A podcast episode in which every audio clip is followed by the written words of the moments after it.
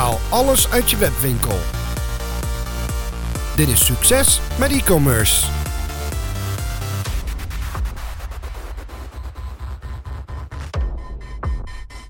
Hey, hallo allemaal en welkom bij Succes met e-commerce. Uh, een van de nieuwe onderdelen binnen het raamwerk van Mark Onderneemt Audio. En daarmee hebben we nu alle shows gehad. De vorige aflevering was een aflevering vanuit Mark Onderneemt over ondernemerschap.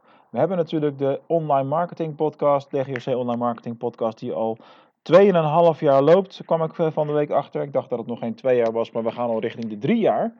Uh, en dit is nu het aparte onderdeel wat echt geleerd wordt aan succes met e-commerce. Het webwinkelplatform voor uh, ja, ondernemend Nederland en webwinkelend Nederland.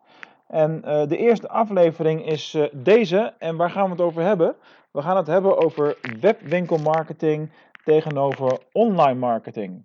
Wat maakt webwinkelmarketing nu eigenlijk anders dan online marketing? Die vraag staat centraal in het verhaal van vandaag. Nou, om eventjes alvast een tipje van de sluier op te lichten. Webwinkelmarketing in mijn optiek is in essentie een gespecialiseerde vorm van online marketing. Laten we even bij het begin beginnen. Webwinkelmarketing versus online marketing. De termen webwinkelmarketing en online marketing worden eigenlijk in de praktijk nogal door elkaar gebruikt. En voor een overgroot deel zijn er natuurlijk meer overeenkomsten dan, uh, dan dat er verschillen zijn. Uh, helemaal in het begin, toen ik het boek Succes met e-commerce aan het schrijven was, en dan hebben we het over de 2014, heb ik ook lang getwijfeld tussen uh, de titel die ik voor het boek zou gaan gebruiken. Zou ik Succes met e-commerce gaan gebruiken of simpelweg Succes met online marketing? Ja, eigenlijk had ik het boek ook succes met online marketing kunnen noemen als je naar de inhoud van het boek kijkt. Uh, maar ik heb toen gekozen voor de term uh, e-commerce, omdat ik alle voorbeelden in het boek en alle focus wilde hebben op, uh, op webwinkels en webwinkelmarketing. En natuurlijk ook omdat de diensten die wij verkopen zijn allemaal gerelateerd aan webwinkels en daar ligt de meeste expertise. want het doen van online marketingactiviteiten voor webwinkels is natuurlijk wezenlijk anders uh, dan het doen van activiteiten voor B2B eh, bedrijven, partijen waarbij branding een grotere, grotere rol speelt en, en noem het allemaal maar op. dus er zijn nogal wat verschillen en ook wat overeenkomsten.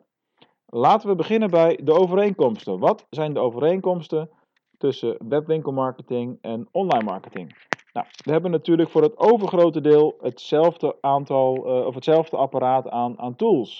Dus voor allebei gebruik je je Google Analytics inzichten, je AdWords campagnes, je Facebook campagnes, de e-mail marketing en noem het allemaal maar op. Dus dat is eigenlijk, eigenlijk allemaal hetzelfde. Als ik wel even de koppeling naar mijn boek maak, als we daar een stuk hadden over, uh, over e-mail marketing, dan was het natuurlijk in het boek zo dat als we een praktijkcase hadden gepubliceerd, uh, dan zou dat gaan over uh, voorbeelden van e-mail marketing voor een webwinkel en hoe je daarmee succesvol kan zijn. Nou, bij webwinkels gaat het dan natuurlijk vooral over hoe zorg je ervoor dat mensen naar aanleiding van een e-mail een aankoop gaan doen in de winkel. En bij de B2B en B2C trajecten die niet webwinkel gerelateerd zijn, maar bijvoorbeeld diensten gerelateerd. En dat kan zover uiteenlopen als van aanvragen voor inschrijvingen voor de lokale tandarts tot aan uh, aanvragen voor zonnepanelen voor, voor bedrijven en alles wat daar dan weer tussenin zit. Heb je gewoon een ander traject, dan is e-mail marketing vaker gericht op storytelling en, en branding. Hoewel je dat bij webwinkels eigenlijk ook weer zou moeten doen. Alleen daar is de transactie vaak, vaak leidend. En bij de niet-webwinkel trajecten dan gaat het uiteindelijk vaak om het opnemen van contact of het doen van een offerteaanvraag en dat soort uh, zaken. maar goed, je zou natuurlijk kunnen zeggen, een offerteaanvraag is in essentie hetzelfde als het doen van een bestelling binnen een, binnen een webwinkel. dus er zijn vooral meer overeenkomsten dan dat er verschillen zijn. Laten we dat op zijn minst eventjes vaststellen. Dan gaan we door naar de verschillen. Wat zijn nou de belangrijkste verschillen tussen webwinkelmarketing uh, e-commerce marketing en online marketing. Um, kijk, online marketing moet je zien als de verzamelnaam. Dus alles wat uh, met online marketing of internetmarketing te maken heeft, valt daar wel onder. En je zou webwinkelmarketing of e-commerce marketing specifiek daaruit kunnen plukken als een onderdeel, als een specialisatie zou je kunnen zeggen. Net zoals dat er uh, mensen zijn die zich fulltime toeleggen op SEO. Uh, of fulltime toeleggen op, op e-mail marketing of op Facebook marketing. Daar zijn ze gewoon onwijs goed in.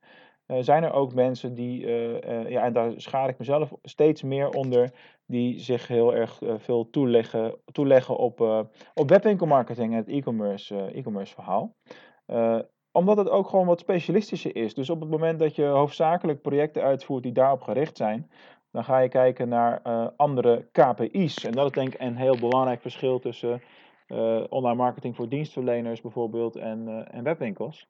Kijk, bij webwinkel is een conversieratio, dus het percentage mensen dat, dat in de webwinkel een bestelling doet, is een onwijs belangrijke KPI.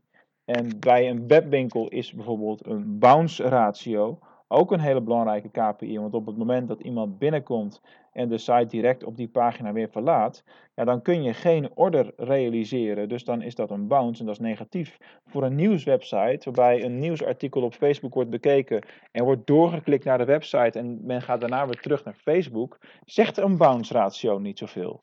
Dus voor een webwinkel is dat een veel belangrijker getal uh, als voor, uh, uh, voor, een, voor een nieuwswebsite bijvoorbeeld. Dus dat, zijn, dat is een heel belangrijke qua, qua verschil. Dus de, de KPI's zijn, uh, zijn vaak anders.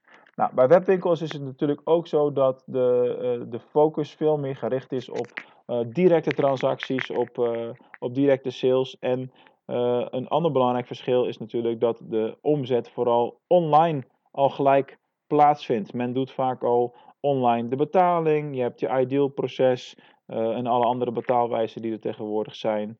Uh, in sommige gevallen kun je ook abonnementen verkopen. Denk aan scheermesjes en dat soort dingen.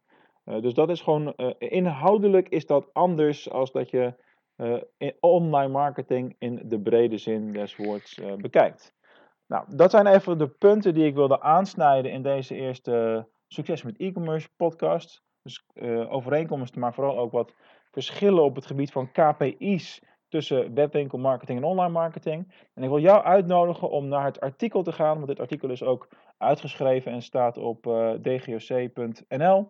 Eh, zoek hem even op en laat in de reacties weten uh, wat voor jou de belangrijkste eigenschappen zijn van, van webwinkelmarketing. Dus wat maakt het voor jou nou van, nou, dit is een taak die ik uitvoer, het is een online marketing taak, maar dit is typisch iets voor webwinkels. Nou, ik zal afsluiten met nog één voorbeeld. Iets wat typisch iets, uh, is voor, uh, voor webwinkels is bijvoorbeeld uh, binnen e-mail marketing de verlaten winkelwagenmail.